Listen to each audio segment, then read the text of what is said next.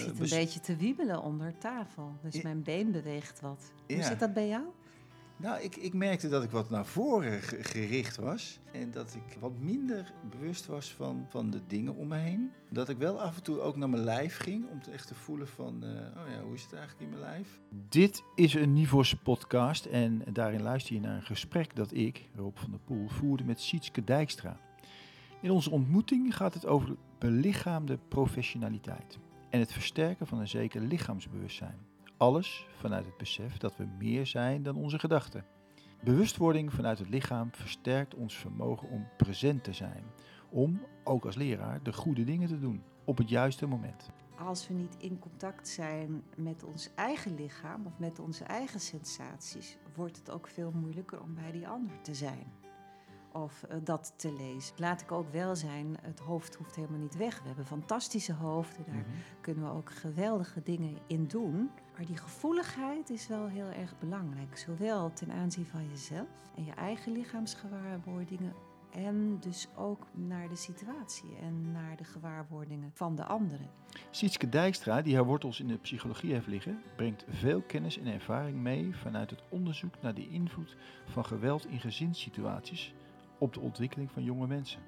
Het interdisciplinaire denken en doen, de waarde van ervaringskennis, was in haar vakgebied iets vanzelfsprekends en heeft haar in die zin al vroeg gevormd. Die gedachte dat in dat interdisciplinaire we eigenlijk ook met elkaar op reis gaan, met allerlei gezinten, dat maakt ons rijker. Als we dat op onze reis kunnen laten vergezellen, dan komen we zoveel verder dan op zulke andere plaatsen dan wanneer we dan alleen die reis in ons eigen hoofd afleggen. Ik noem het zelf vaak dat ik eigenlijk, denk ik, een liefde heb ontwikkeld in het heen en weer bewegen tussen weten en doen.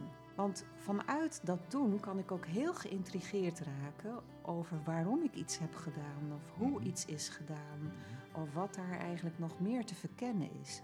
Sietske, onder meer acht jaar lector huiselijk geweld bij Avans, vertelt in deze podcast dat haar aandacht zich door de tijd heen stilaan heeft verlegd naar kennis die juist niet direct via onze zintuigen valt af te leiden, maar die er wel is en om bewustwording en erkenning vraagt. De Hongaarse filosoof Michael Polanyi en zijn begrip van tacit knowing is in dat opzicht, ook voor Sietske zelf, een fascinerende en onuitputtelijke bron van inspiratie. Ik heb onnoemelijk veel aan, aan deze ja.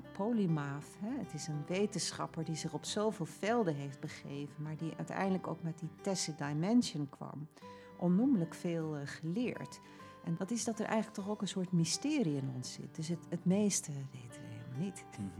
En dat is misschien ook helemaal niet zo erg. Mits we het vermogen hebben om aan ontdekkend leren te kunnen doen of ons daarin te laten zakken of door te laten meenemen. Sietske vertelt in deze podcast over speelse vormen, over werkplaatsen en over haar eigen praktijk, waarmee we onszelf als professional en als mens toegang kunnen verschaffen tot dat grote weten, waarop de dingen en ons leven lijken te rusten, zoals ze zelf zegt. Tacit knowing is een hele rijke bron die in feite ook verwijst naar surplus die er is. En die surplus zit ook in ons eh, eigen lichaam. Dus we hoeven daarvoor niet naar een theorie af te reizen. We kunnen eigenlijk, best moeilijk, heel dicht bij huis blijven. In het komende uur word je als luisteraar ingeleid in een wereld die je als mens en professional wellicht nieuwsgierig maakt. Het gaat over het pendelen tussen een quick mind en slow mind, over het navigeren door jouw eigen innerlijke landschap en over verborgen schatten die zich in verschillende gedaantes zullen vertonen. Veel luisterplezier. Siets, jij benaderde mij, of tenminste, je stuurde mij een mail ergens eh, begin december. Je had een podcast geluisterd en je vroeg, ja, kunnen wij eens in gesprek komen? Ja, ik, eh, wat bracht je daartoe? Ja, nou, ik, ik beluisterde jouw gesprek met eh, Hanke Drop. En eh, ik had dat eh, op mijn oren terwijl ik een boswandeling maakte. En ik vond dat zo'n buitengewoon mooi eh, gesprek. Ehm, Hanke ken ik al wat langer, ook via het muzisch eh, werk. Eh, Hij is een hele erudite en veelzijdige eh, vrouw met ook heel veel soorten bekwaamheden. En eh, de manier waarop dat interview was gedaan, dacht ik, dat zou ik ook willen. En ik heb ook een verhaal. En wat zou het mooi zijn om dat eigenlijk ook meer uit de doeken te doen. Dus Zo heb ik de stoute schoenen aangetrokken. Ik ben bij Hanke begonnen. Uh, en ik zei, dat interview met Rob, heb jij ook een contactgegevens? Want dat vind ik erg mooi. Hmm. Ik uh, zou daar ook wel iets mee willen. En zo is het eigenlijk verder gerold, ja. Rob. Ja. En met Hanke, ja, daar trek je al enige jaren mee op. Hè? Je vertelt al, in het, in het muzisch werken en het muzisch onderzoek, de werkplaatsen. Ja. Daar heb je haar ontmoet. Ja. Maar volgens mij heb je ook heel specifiek een onderzoeksgroepje... heb je met onder andere met haar uh, belegd... wat gaat over het thema waarop ik eigenlijk resoneerde. De belichaming van de professional. Kun je daar iets over vertellen? Ja, zeker. Kijk, in die werkplaats muzisch onderzoek, die een aantal jaren heb ik daar ook in meegedraaid en heeft ook een aantal jaren gelopen, hè, onder, onder andere leiding van Bart van Rosmalen.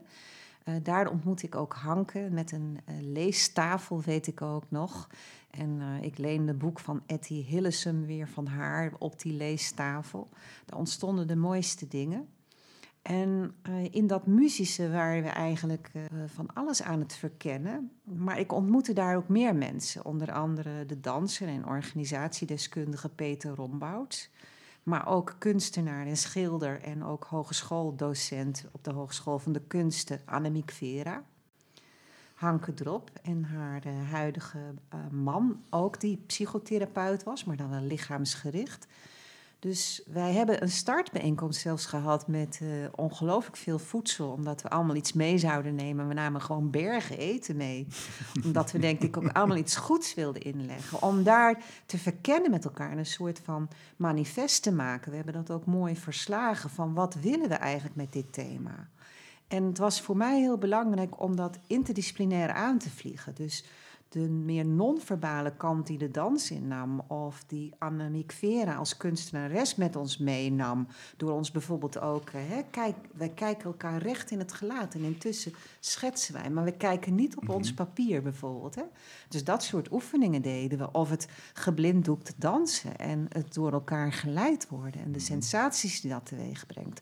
Of we hebben ook over de vloer gerold en uh, ja, we, we, we, waren heel experimenteel mm -hmm. en we waren genoeg vertrouwd met elkaar om dat avontuur aan te gaan en uh, te willen aangaan. Toen kwam corona, dus we ontmoetten elkaar eerst fysiek, maar dat was uh, na een tijdje niet meer mogelijk. En dat heeft me ook heel veel gebracht. Uh, via de Zoom hebben wij ook belichaamde sessies gedaan. Dus ik herinner me nog, en we brachten op een gegeven moment ook sleutelscènes uit ons eigen leven in, waarmee we experimenteerden. We deden dat op basis van een film die we hadden gezien, die heette Drama Girl. Waar een regisseur eigenlijk heel nauwlettend iemand regisseert op gebeurtenissen uit haar leven, maar er steeds veranderingen aanbrengt. Waardoor zij dus ook zelf eigenlijk een andere houding krijgt. Mm -hmm. En daar ook weer topacteurs bij betrokken had, die mm. ook rollen vervulden. Dat was zo bijzonder dat we daarmee experimenteerden. En dat deden we dus ook online. Uh, en daar heeft uh, Peter Rombout samen met Marjolein Zwakman, die ook deel uitmaakte van deze groep, performer. Uh, samen met Hanke ook een artikel over geschreven in Waardewerk. En uh, tot mijn uh, plezier is er ook een linkje wat je aan kan klikken, waar je dan terechtkomt op kleine scènes, eigenlijk video-uitsnedens van dat wat we daar aan het doen waren. Oh, Zo is er met een hamster gegooid. Het was een paar sokken. Oh. Maar die ving dan iemand anders in een schermpje in een beeld oh, ja, weer op. Ja, ja. Um, ja. Of we hebben ook in een tuin gezeten en ik wilde mij eigenlijk in die rol heel erg verschansen. En ik greep gewoon uh, de eerste beste plant die ik in mijn huis kon vinden. Lekker fors. En uh, zat daar eigenlijk een soort van achter. Ja. Dus we, ter plekke kwamen we soms met attributen die uit ons dagelijks leven kwamen. En die gingen een eigen leven leiden. Dus wat we daar ontdekten is dat belichaming, en dat is ook mijn ervaring met lesgeven in coronatijd en via Zoom. Mm -hmm. We kunnen ook via het scherm elkaar lezen. Mm -hmm. Als je dat zo zegt en ook eh, inleidt met deze voorbeelden, dan zullen er toch nog heel veel mensen vanuit hun ervaringen zeggen: Nou, ik, ik, hè, ik voel geen contact, hè, ik voel geen verbinding. Ja. Met de ander hebben ze het dan vaak over. Maar daar, als ik jou zo beluister, denk ik dat je met name eh, in wat jullie hebben gedaan en wat daar gebeurt, vooral contact met je, ook met jezelf en met je eigen lichaam en met de omgeving waar jij in verkeerd maakt. Dat dat misschien wel de, de prioriteit is om daarin te gaan. En eigenlijk de, de ander die in dat, in dat scherm zit, als een soort inspiratie ziet. Ja, ik denk dat je een, een kern daarvan ook uh, raakt, uh, Rob. Dat als we niet in contact zijn met ons eigen lichaam of met onze eigen sensaties, wordt het ook veel moeilijker om bij die ander te zijn of uh, dat te lezen. Dus het vraagt inderdaad, en wij deden dat dus ook vaak aan het begin, ook als we op Zoom zaten, dan uh, het inchecken is eigenlijk in de kunst altijd belangrijk, maar soms ook gepaard gaan aan een oefening. Mm. En mhm. dus ook even jezelf wat losmaken of zorgen dat je daar uh, op een manier bij zit. Zoals ik via Zoom ook ontdekte, hey, als ik nu in tweetallen mensen elkaars telefoonnummer laat uitwisselen, dan kunnen ze dat ook doen terwijl ze even wandelen en aan hun oor. Dus we hoeven niet de hele tijd achter het scherm te zitten om mhm. elkaar te kunnen. We kunnen ook die andere sensaties en ook die andere zintuigen inzetten. En ook ons uh, idee van beweging, uh, om ook iets in beweging te brengen. Mm En variatie aan te brengen. Ja. Waar is die fascinatie voor dit thema, die belichaming, waar is dat geboren bij jou? Ja, dat is een supermooie vraag. Misschien heb ik um, daar ook nog niet helemaal de wortels van. Maar doordat ik de opleiding Crossover Creativity heb gedaan, een master, hè, en die heb ik in 2021 afgerond, twee jaar part-time super mooie ervaring. Dat ik wel terugging naar toen was ik nog een aankomende professional. Ik studeerde psychologie in Groningen. En ik had op een instituut van mijn bijvak van androgologie had ik een advertentie gezien waar ze interviewers vroegen. Hmm. En ik had niet zo heel veel met onderzoek in die tijd. Ik had wel veel met interviewen. Had ik ook wel wat ervaring opgedaan in verschillende thema's. Hmm. Dus toen ik die advertentie las, toen dacht ik, ik ga schrijven. En uiteindelijk ben ik ook aangenomen. Dat was het eerste onderzoek. Het heette naar de kwaliteit van jeugdervaringen. Maar het ging om seksueel misbruik van meisjes door verwanten. Mhm. Alleen, we ondervroegen geen meisjes. We ondervroegen volwassen vrouwen in de leeftijd van 20 tot 40. Mhm. Het was een bevolkingsonderzoek. Dus we wisten nooit bij wie we terechtkwamen mm wat haar ervaring was. Mhm. Dus dat eigenlijk uitpakken en de aandacht die je daarvoor hebt betekende, ik ben ontzettend goed begeleid. We hadden geweldige supervisie. We hebben ook heel veel geleerd. In die jaren, hè, dat speelt zich af in de jaren 80, midden jaren 80, mhm. was het ook nog een groot taboe. Hoe ga je daarmee om? En hoe mhm. ga je om met reacties van dat iemand misschien eigenlijk ook ongemak toont mhm. en daar eigenlijk wel van weg wil bewegen. Dus ik herinner me nog een vrouw die steeds op haar, op haar horloge keek. Ehm, of hoe ga je om met, uh, met je eigen hartkloppingen? Dat je denkt, hier zit niet één ervaring in, maar deze vrouw heeft wel vier ervaringen. En ik moet dus ook nog gaan bepalen welke ervaring ik eerst uitvraag en welke daarna. En we kunnen wellicht niet alles doen. Dus de keuzes die je maakt. Dus je geeft een hand mhm. aan een vrouw en je ontdekt dat ze eigenlijk uh, dat het een ijskoude hand is. Ja. Wat zegt je dat? Mhm. We hadden gelukkig ook een maatje hè, met wie je dan daarna nog eens even kon sparren over wat je had meegemaakt. Ja, want je maakt dat mee dan. Aan den lijve ook. Precies. Dat, dat, is natuurlijk, tenminste dat hoor ik heel nadrukkelijk, beluisterd ervaringen, maar je voelt het aan den lijve, aan je eigen lijf, ja. wat het oproept, wat het teweeg Je resoneert met het leven en met het lichaam en met de gesteldheid, de emotionele gesteldheid van die ander. Mhm. En dat is heel wezenlijk, belangrijk in contact, in relatie, in de, de beroepen waar, je, waar jij afhankelijk ook in je, in je loopbaan in betekenis had. De hulpverlening, de gezinnen waar huiselijk geweld eh, in plaatsvindt. Uh, maar ook in beroepen als uh, nou, in het onderwijs, de politie. Ja. Die op straat ook van alles tegenkomt. Ja. Dat soort, ik, ik, zou het noemen handelingswetenschappen. Dus niet zozeer de, de wetenschap die, uh, die zeg maar de kennis eh, ergens eh, opslaat en dan daar gebruik van maakt, maar die eigenlijk in het contact ervaring opdoet en weten opdoet. Ja, zeker. Dus, dus we zijn ook gevoeliger geworden naarmate die historie verstrijkt over zoiets als bejegening. Misschien ook wel door het tegendeel, omdat er ook zoveel klachten komen over bejegening. over niet gezien zijn of niet goed gevoeld zijn of niet begrepen voelen of niet erkend voelen. En het klopt, die doet zich eigenlijk in de praktijk voor. Ik noem het zelf vaak dat ik eigenlijk, denk ik, een liefde heb ontwikkeld in het heen en weer bewegen tussen weten en doen. Mhm. Want vanuit dat doen kan ik ook heel geïntrigeerd raken over waarom ik iets heb gedaan, of hoe mhm. iets is gedaan, mhm. of wat daar eigenlijk nog meer te verkennen is. Dus ik denk dat um, dat heen en weer bewegen, wat we eigenlijk toen ook in die interviews al deden, want we hadden niet alleen maar die interviews, er werden ook tellingen verricht, er werd ook onderzoek op gebaseerd, er werden ook uh, statistische bewerkingen opgedaan. Er, er, hè, er, kwam dus allerlei data van dat onderzoek. Mhm. Maar de geleefde werkelijkheid daaronder was wel de basis. Dus op, op dat procesniveau eigenlijk heb je heel veel ervaring en kennis opgedaan. Hè? Wat er aan je eigen lijf gebeurde, wat er tussen jullie gebeurde. Dat je, dat je daarin ook een weg hebt gelopen. Zeker. Ook omdat uh, toevallig, of ook weer niet zo toevallig, volgde ik vanmorgen een studieklas van mijn geweldige zenleraar Nico Tiedeman. Mhm. En uh, hij, het gaat over mystiek, deze studieklas. En uh, hij zei dat eigenlijk de meeste vrijheid, ook voor mensen in onvrijheid, zit in hoe we de dingen doen. Mhm. En, uh, en dat is eigenlijk ook uniek. En ik denk dat eigenlijk ook in professies het wat is belangrijk. Hè, mijn vriendin en, en collega Hamida Lakko zegt dan dat zij weer hoort van lotgenoten dat uh, zij eigenlijk het luisteren en het zich begrepen voelen het allerbelangrijkste vinden. Maar dat professionals vaak denken dat het hun deskundigheid is. Ja.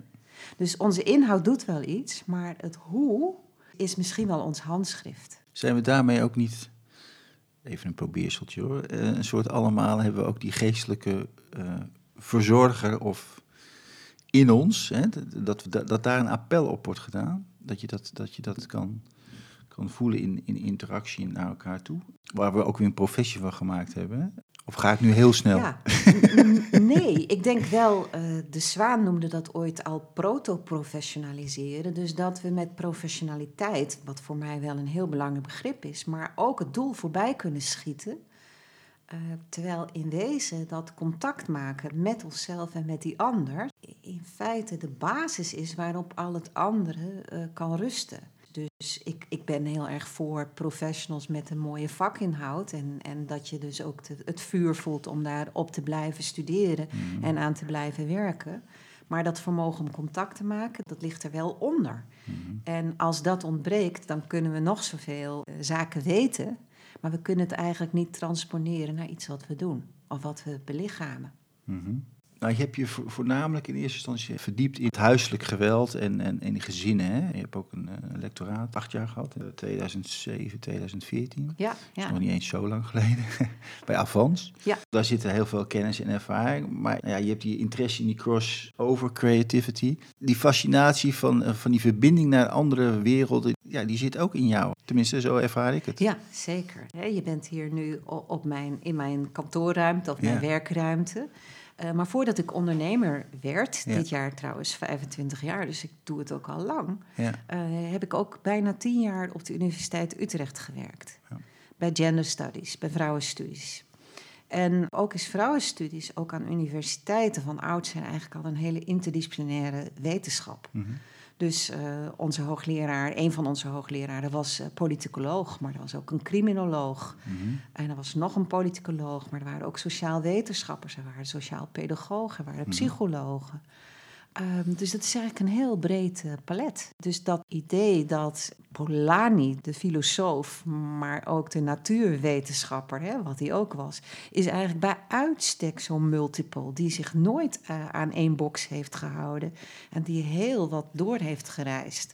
Dus die gedachte dat in dat interdisciplinaire we eigenlijk ook met elkaar op reis gaan, wat we eigenlijk in de Mhm. muzische werkplaats dan ook weer doen met allerlei gezinten, dat maakt ons rijker. En dat, als we dat op onze reis kunnen laten vergezellen, dan komen we zoveel verder dan op zulke andere plaatsen dan wanneer we dan alleen die reis in ons eigen hoofd afleggen. Ja. Als we nu naar het onderwijs gaan, Mhm. hè, de vakjes, Ja. de vakken. hè, er wordt natuurlijk projectonderwijs ge- gemaakt. Zit daar nog veel meer ruimte in, eh, denk jij? En ruimte in welke zin, eh, Rob? Nou, ruimte in het ophalen van perspectieven van anderen. En iedereen blijven uitnodigen om rondom vraagstukken in te stappen en mee te doen. Mhm. En, en daarmee ook zelf in die wereld te komen. Niet vanuit een vakgebied, maar vanuit een geraaktheid of een, Ja, ja. of betrokkenheid. Hè? Ja. ja, of ook vanuit eigen ervaring. Ik denk dat ervaring onnoemelijk belangrijk is en dus ook in ervaringsgerichte vormen willen en kunnen stappen. Ik geef vooral nu de laatste tien jaar eh, veel les in nascholing, dus ik zie heel veel professionals. Eh, jong, soms nog heel jong, eh, middenleeftijd, soms heel veel vrouwen. Er zitten veel meer vrouwen in dit vakgebied dan mannen Hm? ook elke keer wel ook iets wat zorg en aandacht behoeft. Want het is dus ook niet iets wat door een groep vrouwen gedragen moet Mhm. worden, maar eigenlijk breder zou moeten zijn. Dus de diversiteit, daar is soms, soms is het een hele grote diversiteit Mhm. en soms is er te weinig Mhm. diversiteit.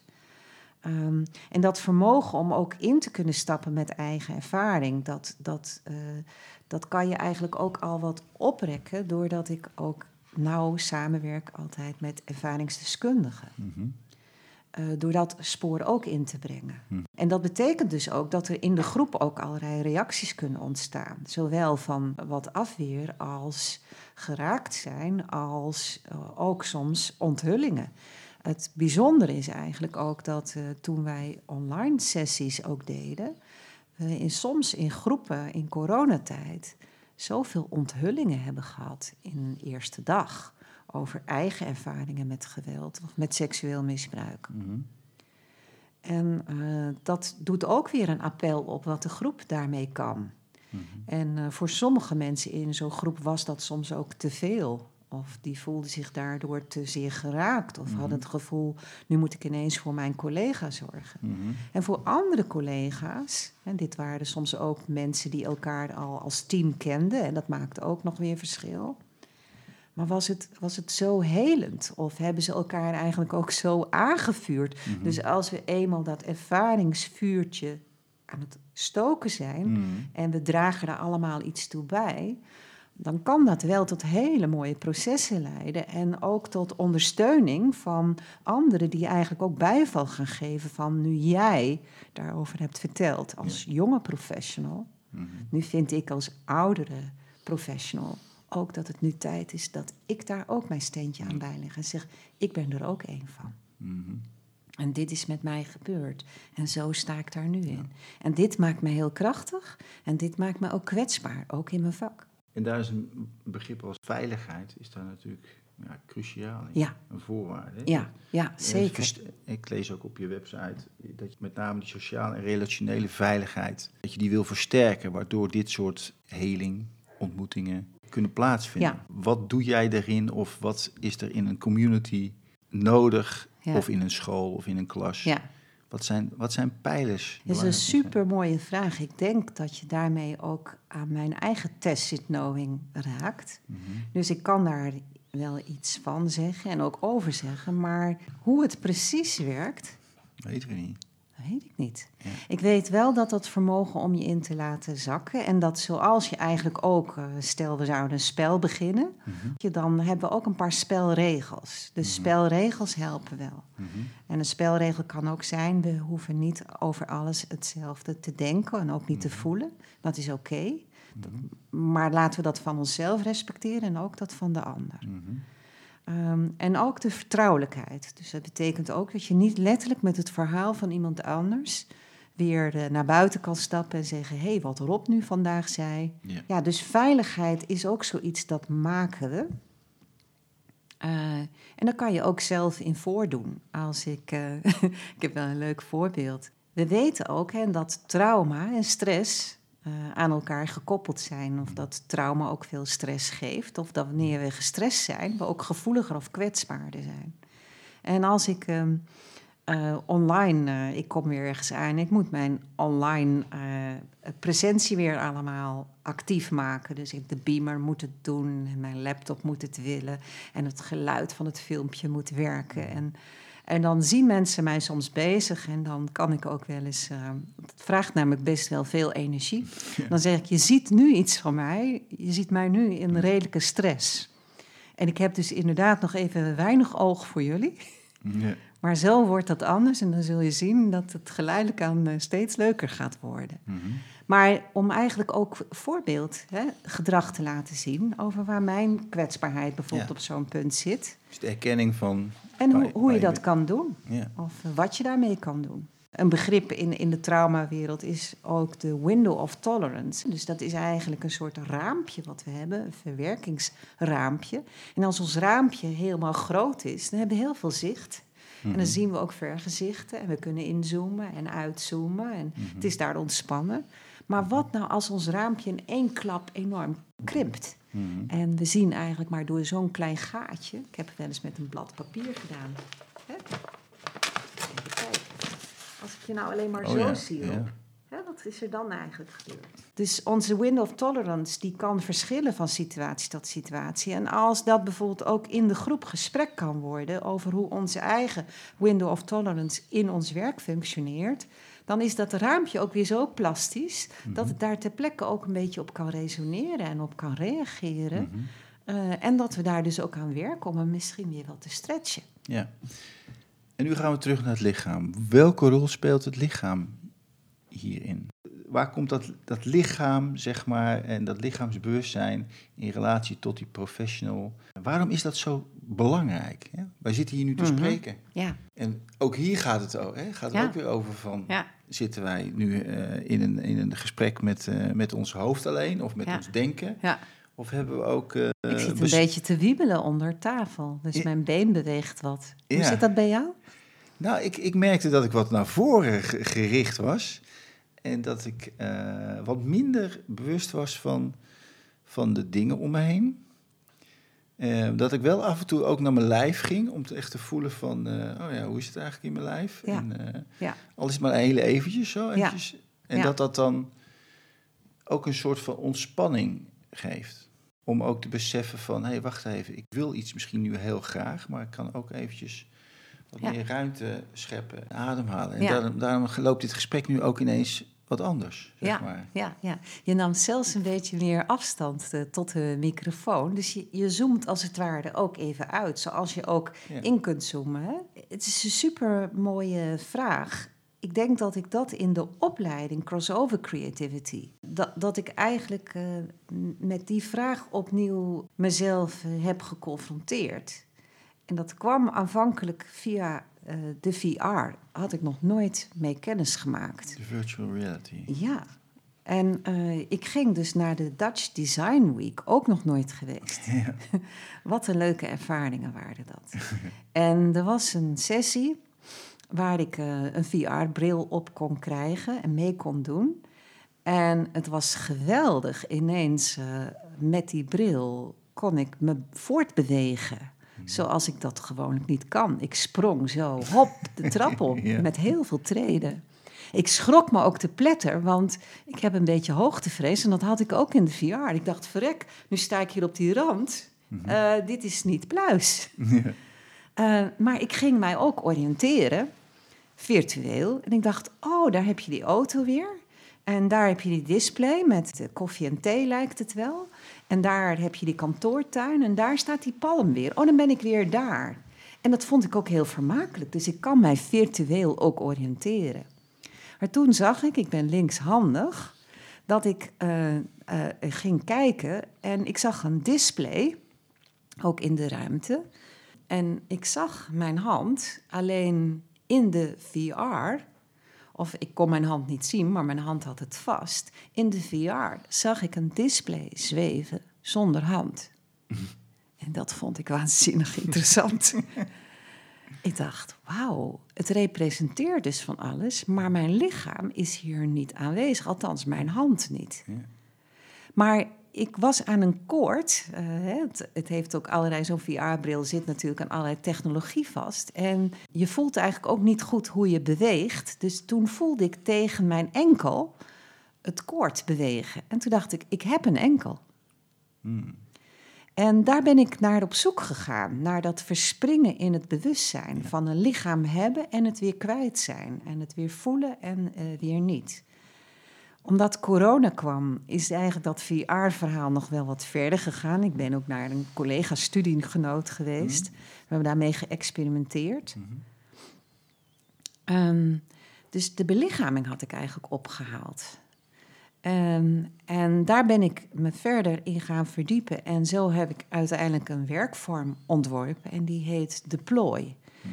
Dus waar we heel geleidelijk aan ons onderdompelen in sensaties. En het begint al- als, een, als een leuk spel. We, we gaan verborgen schatten zoeken. Nieuwsgierig. Nieuwsgierig, speels, eh, lekker losjes. Mhm. Wie, wie wil niet meedoen dan? Mhm. Ja, iedereen vindt dat wel leuk. Mhm. Maar als we dan dus verborgen schatten gaan zoeken en we hebben die verborgen schatten ook in onze handen Mhm. en we openen ook wat daar te zien of te ervaren of misschien ook eh, te lezen is, Mhm. dan komt er eh, een enorm eh, ongemak mogelijk over ons. Of het besef van, get verdemmen, wat is dit? Mhm. Wil ik dit wel? Ja. Hmm. Je ziet soms ook dat mensen hun schat, die ze eerder nog zo interessant vonden, ineens wegduwen of wegleggen. Mhm. Of anderen krijgen maar niet hun hoofd eromheen. En dat hoofd probeert iets te begrijpen, maar ze begrijpen het niet. Mhm. En de lichaamssensaties die we daar ophalen, zijn dus ook lichaamssensaties van ongemak. Niet iedereen heeft trouwens het ongemak, want ook niet iedereen trekt eenzelfde verborgen schat. Dus misschien heeft iemand juist ook wel het gevoel van: ik zit er wel lekker bij. Ja. Eh, ik zie dat Rob een beetje vreemd doet. Hij, hij ziet er niet zo jovel uit nu. Nee. Maar met mij gaat het eigenlijk wel goed. Wat, wat hebben ze allemaal hier? Vreemd toch? Of het besef, met mij lijkt het wel aardig te gaan, maar als ik rondkijk, gaat het met de anderen helemaal niet goed. Hel, wat is hier aan de hand? Ja. Dus via de fysieke sensaties halen we eigenlijk ook onze gevoelens op. Mhm. En die gevoelens die kunnen we ook weer verkennen. En ik vraag ook in de werkvorm zelf: waar voel je het in je lichaam en wat voel je daar? En daar zit denk ik ook een link tot, tot eigenlijk ook persoonlijke kennis. Kijk, soms hebben professionals verteld: als ik het moeilijk vind, dan gaat mijn hoofd heel hard werken. Ik ga naar allerlei alternatieven op zoek. En het suisbolt gewoon. En ik heb dan aan het einde van de dag of na zo'n sessie of al tijdens Koppijn. barstende koppijn. Mijn hoofd knapt. Het kan er allemaal niet meer in. Iemand anders misschien zegt, hmm, het was een jonge professional die wees naar haar rechterzij. En die wees het heel precies aan. Die zei, ze, kijk, hier, dat is mijn stressplek. Die voelde ik net toen ik de schat uitpakte. Ik vroeg haar tien minuten later, hoe voelt dat nu? Ze zei, oh, dat is alweer weg. Ik zei, wat betekent die plek voor jou? Oh, zei ze, die ken ik heel goed. Dat is eh, mijn stressplek. En als mijn caseload te hoog is, dan voel ik die ook. Ja. Dus ons lichaam geeft ook allerlei signalen aan ons af over hoe het met ons gesteld is of wat we binnenkrijgen en hoe we daarmee omgaan. Mhm. En ook misschien wat we geneigd zijn om te doen. Ja. Ik probeer nu eigenlijk een bruggetje te slaan naar wat Polanyi, die je al eerder geïntroduceerd Ja. hebt. Mich- Michael Polanyi, Hongaars filosoof, Ja. eh, die dan zegt: eh, We know more than we can tell. Ja. En daarmee eigenlijk iets aangeeft hè, dat er een kennis is, een weten is, wat verborgen zit, maar wat wel heel erg meedoet. Ja, ja. En wat al naar gelang onze ervaring zich verrijkt en verdiept, eigenlijk ook steeds meer nog aangeraakt wordt. Dus wat ook groeit. En wat Michael Polanyi, ik heb onnoemelijk veel aan, aan deze ja, polymath. Hè? Het is een wetenschapper die zich op zoveel velden heeft begeven, maar die uiteindelijk ook met die tacit dimension kwam. Onnoemelijk veel eh, geleerd. En dat, is, uh, en dat vind ik ook wel een beetje in de wereld van, uh, van Zazen. Dat is dat er eigenlijk toch ook een soort mysterie in ons zit. Dus het, het meeste weten we helemaal niet. Mm -hmm. En dat is misschien ook helemaal niet zo erg. Mits we het vermogen hebben om aan ontdekkend leren te kunnen doen, of ons daarin te laten zakken of door te laten meenemen. Want wat Polanyi denk ik ook laat zien, is dat al dat expliciete weten, waarvan je kan zeggen, kijk, dat zijn drie theorieën en dat zijn vier kenmerken en dat zijn uh, vijf uh, implicaties. Mm -hmm. Al dat expliciete weten, dat berust uiteindelijk ook op intuïties van Tessit. Over een intuïtie die we hadden, dat daar iets kon zitten. Of, uh, dus het expliciete weten is eigenlijk een veel kleiner domein dan dat hele grote domein waar de dingen op rusten. Mm -hmm. Waardoor je in feite ook, en iedereen kent dit ook wel, die door iets gegrepen raakt mm -hmm. en een passie heeft, dat je bereid bent om er steeds weer naar terug te keren. Het laat je niet los. Zoals mijn voorbeeld van die VR met dat bewustzijnssprongetje. Ja. Van hé, hey, er is bewustzijn, maar waar is mijn lichaam? En nu is het er weer. En ik ervaar het, maar ik zie het niet. En hoe ga ik om met die fricties? Of wat zit daar? Um, dus dat je steeds bereid bent om die leerweg weer af te leggen en daarnaar terug te gaan, daarmee te experimenteren, daar weer iets in op te halen, daar misschien ook weer iets over te documenteren of daar weer in in te brengen. Dus Tacit Knowing is een hele rijke bron die in feite ook verwijst naar surplus die er is. En die surplus zit ook in ons uh, eigen lichaam. Dus we hoeven daarvoor niet naar een theorie af te reizen. We kunnen eigenlijk best moeilijk, heel dicht bij huis blijven. Ja, het gebeurt gewoon eigenlijk in het alledaagse. Zeker. En we hebben weliswaar scholen waar je ook allerlei ervaringen mogelijk opdoet, maar daar zou het onderwijs uh, wat meer gebruik of besef van kunnen hebben. Dat we, nou ja, uh, tacit zijn, dat we een continuum hebben van leren en van ontwikkelen. Ja. Van naast dat wat we denken dat waar geleerd wordt, zullen ja, we zeggen. Ja, Kijk, Polanyi noemt dit het vocale uh, bewustzijn en uh, het bewustzijn eigenlijk wat meer vanuit mijn ooghoek is. Subsidiary noemt hij dat. Mm -hmm. Dus dat is eigenlijk aan de rand. Mm -hmm. um, dus we kunnen ons op iets richten en daar kunnen we dan ook iets pregnants over zeggen of iets aan opmerken, maar dat is eigenlijk meer eenpuntig. Terwijl die andere vorm van bewustzijn die ook meedoet, wat zich aan die rand afspeelt. Mm -hmm dat kan ook naar het midden worden gebracht. En hij laat eigenlijk ook zien dat deze twee vormen van bewustzijn samenwerken. En dat als ze in een goede mengverhouding tot elkaar komen te staan, we daarin een ontdekking kunnen doen. Mm -hmm. Dat kan een inzicht voor onszelf zijn, maar dat kan ook, Polanyi geloofde daar ook heel erg in, ook als natuurwetenschapper. Dat kan ook een grote omwenteling zijn, of een ontdekking of een doorbraak. Mm -hmm.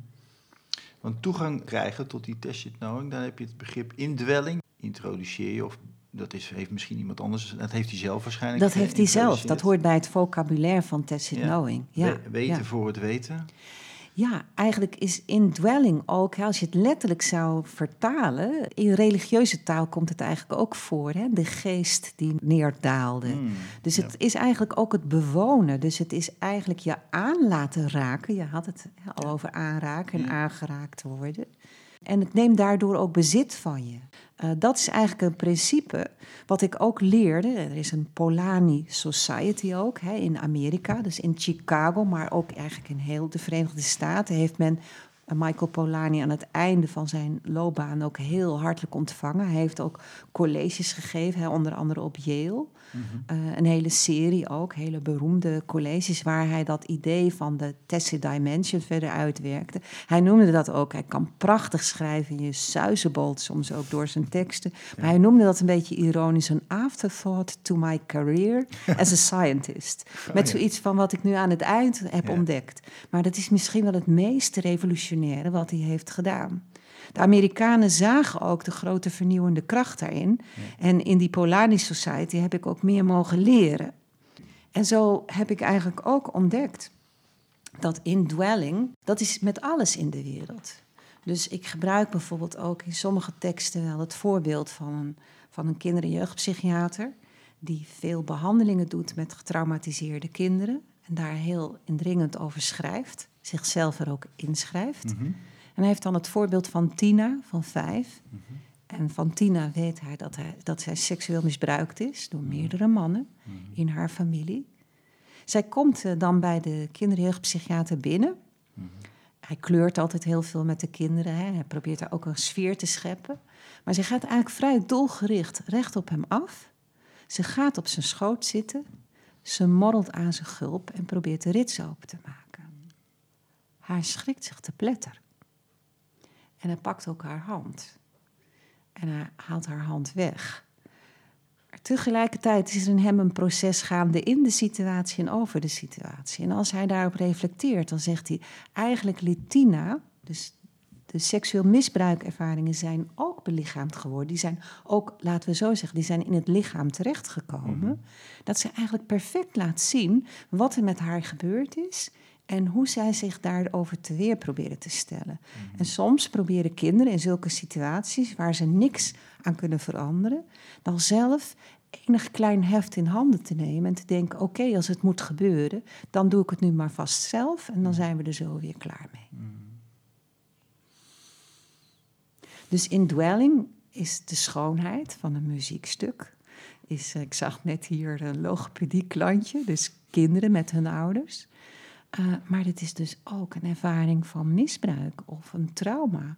Ook dat wordt in het lichaam opgenomen. En het lichaam is heel precies, denk ik, uh, in het bewaren daarvan. En in die zin is een definitie, je hebt heel veel definities van trauma, maar één is er ook, dat trauma eigenlijk een onaffe gebeurtenis is. En uh, wat je wel kan zien, en daar hebben bijvoorbeeld Pet Ochten en Janina Fischer ook aan meegedragen, uh, mee, aan bijgedragen met hun sensomotorische aanpak. Hè. Uh, Ochten, Pet Ochten is ook danseres, dus heel specifiek lichaamsbewustzijn, maar dat je daar in mee kan bewegen en dat die incomplete handeling, want het is eigenlijk ook een handeling, dat je die alsnog in beweging kan brengen, want die is eigenlijk bevroren of stilgezet. En dat geeft ook heel veel druk in het lichaam en op het lichaam. Je kunt afmaken. Die, dat je die kan afmaken. Ja, dat je het uit die bevriezing kan brengen. Ja. Of kan leiden. Ja, ja. Mm-hmm. Dus eigenlijk kan voltooien. Er luisteren veel mensen uit het onderwijs naar deze podcast. Er komt nogal wat voorbij. Nou, laat ik het zo zeggen je roept in mij iets op van wat gaat over het verfijnen van waarnemen. Dat we die gevoeligheid in onszelf en in de ander zien. Ja, dat is best een mooie samenvatting, omdat ik ook denk dat uh, en het hoofd kan ons daar altijd weer bij helpen om verder nog dingen uit te pluizen of ze te verfijnen. Dus, dus laat ik ook wel zijn, het hoofd hoeft helemaal niet weg. We hebben fantastische hoofden, daar mm-hmm. kunnen we ook geweldige dingen in, uh, in doen. Uh, maar die gevoeligheid is wel heel erg belangrijk, zowel ten aanzien van jezelf en je eigen lichaamsgewaarwordingen en dus ook naar de situatie en naar de gewaarwordingen van de anderen. En als we dat dan bijvoorbeeld in onderwijssetting, want daar komt het dan toch op neer. Uh, soms kennen ze elkaar al, dan zijn het teams uh, die al wat meer van elkaar weten, maar het kan ook open aanbod zijn. En dan ontmoet je dus collega's uit hele andere delen van het land, mm -hmm. soms met een hele andere vakinvulling of een hele andere mm -hmm. werksetting. Uh, maar dan kan je dus ook dingen aan vragen. hey, hoe doen jullie dat dan? Mm -hmm. Nou, wij gebruiken ook heel vaak een spel, zus en zo. Dus ik doe ook wel open space, waarin ik zeg: wil je allemaal iets meebrengen uit bijvoorbeeld dit traumavak, van wat goed werkt? Ja. En dan leggen we dat neer op de vloer en dan gaan we daar ook om beurt even bij staan. En heeft iemand gelegenheid om een korte toelichting te geven. Dus de weldaad die het heeft om ineens ook collega's te hebben in het land, mm -hmm. tot wie je kan verhouden. Mm-hmm. En dat maakt ook dat mensen, uh, dat probeer ik in ieder geval ook met het maken van die veiligheid mee te geven, mm-hmm. dat we een community zijn. Wij zijn op dat moment zijn wij een gemeenschap en een leergemeenschap. Mm-hmm. En we werken dus ook met wat er in die groep ja. zich afspeelt. Ja, nu maken we ook het bruggetje volgens mij naar het, uh, het collective learning. Uh, maar ja, wat ook een richting, een, een, een, gebied is waar je verder in aan het kijken bent, aan het ontdekken bent, praktijk aan het doen bent met anderen. Ja, ik, ik, denk dat dit voor mij in ieder geval in mijn loopbaan wel een drijfveer is. Dus ik zie wetenschap en vakkennis als hulptroepen. Ik, ik hou echt van mijn vak. En ik hou ook van studeren op mijn vak. Mhm. Maar mijn doel is denk ik toch wel dat ik daar probeer iets in praktijk te brengen. Mhm. En dat collectieve ontzettend belangrijk is als we iets willen veranderen. Dus individuen, dat, dat kunnen we ook eigenlijk zien in de wereld, kunnen een enorm belangrijke rol spelen voor collectieven. Maar collectief leren is eigenlijk ook dat we het met elkaar gaan doen. En ook al is dat maar een klein dingetje, eh, dat we bijvoorbeeld een inzicht in een actie om kunnen zetten over iets wat we gaan doen, of wat we gaan uitoefenen, of wat we gaan proberen, of eh, waarmee we gaan experimenteren. En dat is precies de leerruimte die ik eigenlijk altijd zoek. Mhm. Omdat ik tussen dat weten en dat doen heen en weer beweeg, Mhm. zou het nooit alleen het weten kunnen zijn, want dat bevredigt niet. We, we, we hebben praktijken en in die praktijken willen we iets doen en iets beter doen en iets meenemen en, en daarin eh, experimenteerruimte maken om onszelf ook eh, te overtreffen of eh, anderen daar meer in mee te nemen Mhm. of meer verrijking of verdieping te geven. Mhm.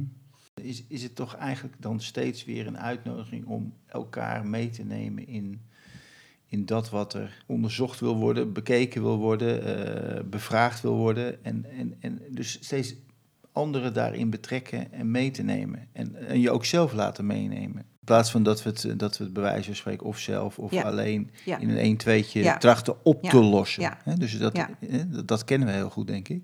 Ja. We hebben ergens last van of we hebben een vraag en nou, dat kunnen we even dan oplossen. Ja, en, maar het, het, het punt is, en daar komen we ook allemaal in, in de wereld van hoe die nu is, ook wel achter en zitten we middenin. Het drama is dat wat wij dachten dat we makkelijk konden oplossen, dat blijkt om als een groot onoplosbaar vraagstuk Ja. voor ons op te doemen en is vele malen groter dan we ook hadden kunnen denken.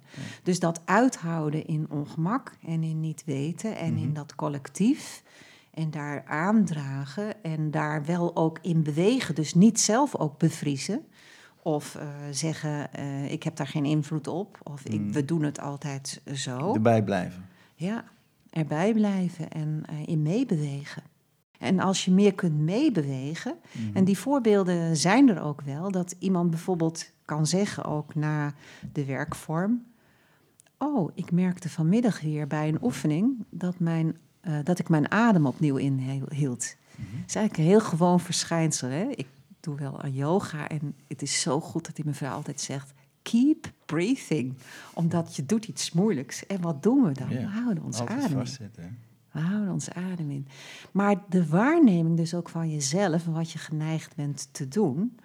eh, en dat betekent ook met kleine experimenten in de praktijk. Dat je ineens dus ook kunt ontdekken van... hé, hey, doordat ik dit meer deed... kreeg ik ineens een hele andere kant van deze vrouw te zien. Of er werden me hele andere dingen toevertrouwd. Of eh, het vertrouwen groeide. Dus eigenlijk is alles heel fluïde en bewegelijk. Dus als we zelf daar bewegelijker in kunnen staan en die sensitiviteit kunnen gebruiken, dan zijn het niet alleen verborgen schatten in een werkvorm, maar dan hebben we ook in onze eigen praktijk Mhm. eh, heel veel verborgen schatten die we kunnen uitpakken of waarin we iets waarnemen wat we nog niet eerder zo hadden. En waarin we dus ook, en dat hoeft niet per se een oplossing te zijn, eh, liever niet zelfs. Nee. Maar het is eigenlijk een ruimte die je met elkaar opzet om dat te mogen verkennen. En om dat wat daarin gelegd wordt, dat dat er ook mag zijn. Ja. Voor mij gaat het ook over een soort omarmen van een ambiguïteit, waardoor je niet meer grijpt nou, als een soort van, eh, dat is het opgelost. Of dan kunnen we verder. Maar dat je het eigenlijk open houdt. En daardoor met elkaar en met jezelf en met de ander in verbondenheid doorbeweegt. Ja, Dus je niet meer als afgescheiden delen eh, door de wereld Ja. heen eh, zet. Met dit is het antwoord en zo moet het niet. Maar dat je het eigenlijk open houdt. Dat je, maar dat je wel met elkaar blijft bewegen. ja. Kijk, en wat er dan uiteindelijk, want ik denk ook dat dat weer kan bewegen naar iets toe. Maar dat is een diepere integratie Ja. dan dat ik direct al weet hoe het zit. Ik, ik leid hier zelf ook aan met een lange ei. Dat als ik soms ook een casus lees, dat ik al denk te weten hoe het zit. Dan moet ik wel even ook een pas weer achteruit. Ja. Want dat Ja. is een gevaar. Hè? Dus dat is eigenlijk eh, wat eh, Daniel Kahneman eigenlijk ook noemde quick mind. Hè? Dus die quick mind, die wil... En, en de wereld staat in brand. In mijn vak, maar in, op veel gebieden. Dus we willen iets doen. Maar de quick mind, die verdringt eigenlijk die slow mind. Eigenlijk wat jij... Nu ga ik het ook even doen, Rob. Wat jij net deed, door een beetje achterover te gaan... en even uit te zoomen Mhm. uit de situatie. Dus dat je tijd neemt of een andere Mhm. positie in gaat nemen. En dat Ja. even, ja, mijn moeder eh, en onze moeders misschien sowieso wel, en onze grootmoeders zeker, die lieten dingen sudderen op een laag vuurtje. Mhm. Nou, dus dat we op een laag vuurtje de dingen wat laten sudderen. Zonder dat we direct zeggen, zo moet dat, of Ja. dat gaan we doen. Doet ook meer een appel op het luisteren. Ja, Ja, is, is er... eh, we zijn namelijk al een uur onderweg, eh Sietske. Meer dan een uur. En je hebt, jij hebt ook heel wat opgeschreven van tevoren, toch? Ja. Van eh, waar je het misschien over zou willen hebben. En je had hier heel veel boeken liggen. En die, die nou ja, de onderwerpen raken die, die ook nu voorbij zijn gekomen. Is er iets wat jij nog naar voren wil brengen? Nou, misschien nog wel dat die tacit knowing en, en mensen zoeken ernaar en ook naar de tacit dimension van Michael Polanyi, dat niet al te grote boekje, wat ik heel vaak heb Mhm. herlezen en ook weer de neiging heb om dan weer een andere passage aan te strepen Ja. of heel goed of belangrijk te vinden. Hè. To see something eh, eh, is, eh, zegt hij, to see something hidden. En dus dat die kwaliteit ook, het ligt niet al voor de hand, maar het, het, het openbaart zich als wij ons daarin verdiepen. Ja. Dus tacit knowing kan heel krachtig zijn en heel verstrekkend, maar het is ook breekbaar. En onze analytische mind kan het ook snel al wegzitten. Dus vaag. Het heeft geen strakke definitie hierop. En eh, wat kun je er precies mee? Nou, soms hebben dus de Japanse auto-industrie heeft hier ook heel goed naar gekeken wat tacit knowing is.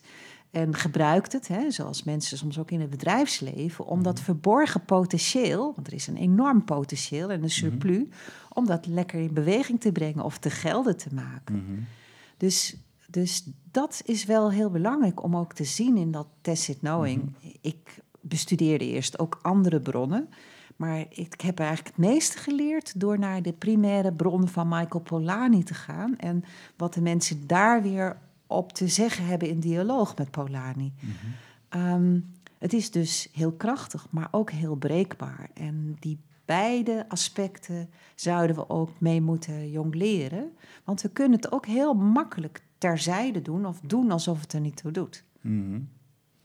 Ja, ik maakte eerder in het, ons voorgesprek een soort. eh, had ik een associatie met de Tao, waar ik zelf eh, een beetje aan het kijken ben. En, en ik vertelde over het innerlijk landschap, wat ook een soort ruimte is, wat tussen de potentiële wereld, zeg maar, en de gemanifesteerde wereld, als een soort medium fungeert. Dat doet me dit ook weer aan denken, dat dat een, een gebied is wat, wat niet, waar je niet zeg maar, aan het manifesteren gaat, zoals we dat misschien kennen. Het- maar dat het een breekbaar, Ja. kwetsbaar gebied is, waar je uiteindelijk ook weer aan voorbij kan gaan als je het weer inzet als zijn van, nou, dat wil ik eh, Ja. bereiken. Het is geen trucje. Het is geen, precies, het is geen trucje. Dat is ook, denk ik, eh, dat heeft eh, Polanyi in Personal Knowledge geschreven. is een hoofdstuk dat heet Skillful Means. Dus hij vond het ook heel erg belangrijk. Dus jouw innerlijke landschap, dat manifesteert zich niet in dat je zegt, nou, dan moet je deze drie dingen doen. Maar je hebt daar misschien wel gereedschap wat je ten dienste staat, of een innerlijk behang waarnaar je terug kan gaan Mhm. of jezelf toe verhoudt, eh, om het eh, of even te laten sudderen, of het direct ergens hoog op te hangen. Want dat krijg je ook met veel ervaring. De ingeving, als je goed in het collectief Mhm. zit, die klopt vaak wel. Mhm. Dus die kan je ook volgen. Dat is dat vuurtje ook weer. Mhm. En die ingevingen die komen steeds nadrukkelijker naar boven, denk ik.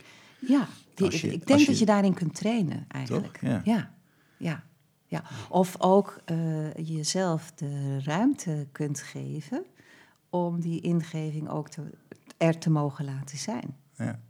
Binnen NIVO's hebben we het, het begrip eh, tact, pedagogische tact, tactvol handelen. Ik voel daarin, eh, als je dit zo allemaal vertelt, wel heel veel ook parallellen. Ja. Het is meer de taal die misschien hè, binnen het onderwijs eh, gebruikt wordt als tacit knowing. Ja. Maar het is heel interessant en het, het zet mij ook weer aan om eh, in ieder geval het werk van hem ook te gaan beluisteren. Ehm, ja, tot slot is er een mooi gedicht, is er een mooi beeld waar je nog eh, een manifest. Ja, Ja, ik heb inderdaad, eh, Rob, iets, iets Ja. neergelegd. Wat ik in Musework heb geschreven. Ja. En eh, waarin we eigenlijk ook, hè, Musework barst dus van de prachtige werkvormen. Waar je ook deze tacit eh, ja, een beetje op de staart kan trappen of Ja. naar binnen kan laten komen. Dit heb ik toen in die context geschreven, maar het werd eigenlijk, toen ik het had gemaakt, dacht ik, verrek, ik heb over dat hoe, het, hoe, hoe een verschijnsel je lichaam kan gaan bewonen. En je dus ook van binnenuit weer naar buiten kijkt met dat wat je, in je lichaam is gekomen. Ik dacht, dit is eigenlijk een klein manifest eh, van indwelling. Dus eh, laat het lichaam spreken. Word zichtbaar als maker, zodat de muze kan verschijnen. Bij het opvoeren en data verzamelen. Schep nieuw werk en documenteer.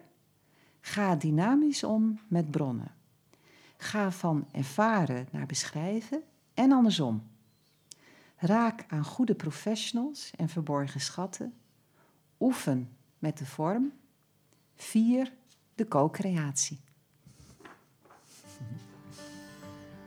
dankjewel. Alsjeblieft. Dit was een Nivos podcast, alweer aflevering 68 uit een lange serie. Wil je meer van Sietske Dijkstra lezen? Dan verwijs ik graag naar haar website en naar een boek dat dit jaar, in 2023, verschijnt. En de titel draagt De kracht van belichaamde ervaring. Het bundelt artikelen en eerder werk rond vier thema's. Thuis, geweldspatronen, tacit knowing en collectief leren. Wil je meer podcasts van Nivos beluisteren? Dan verwijs ik naar ons eigen podcastkanaal, maar ook naar Spotify en Apple. Daar kun je je abonneren, zodat je bij elke nieuwe aflevering een melding krijgt. Stichting Nivos sterkt leraren en schoolleiders bij de uitvoering van hun pedagogische opdracht.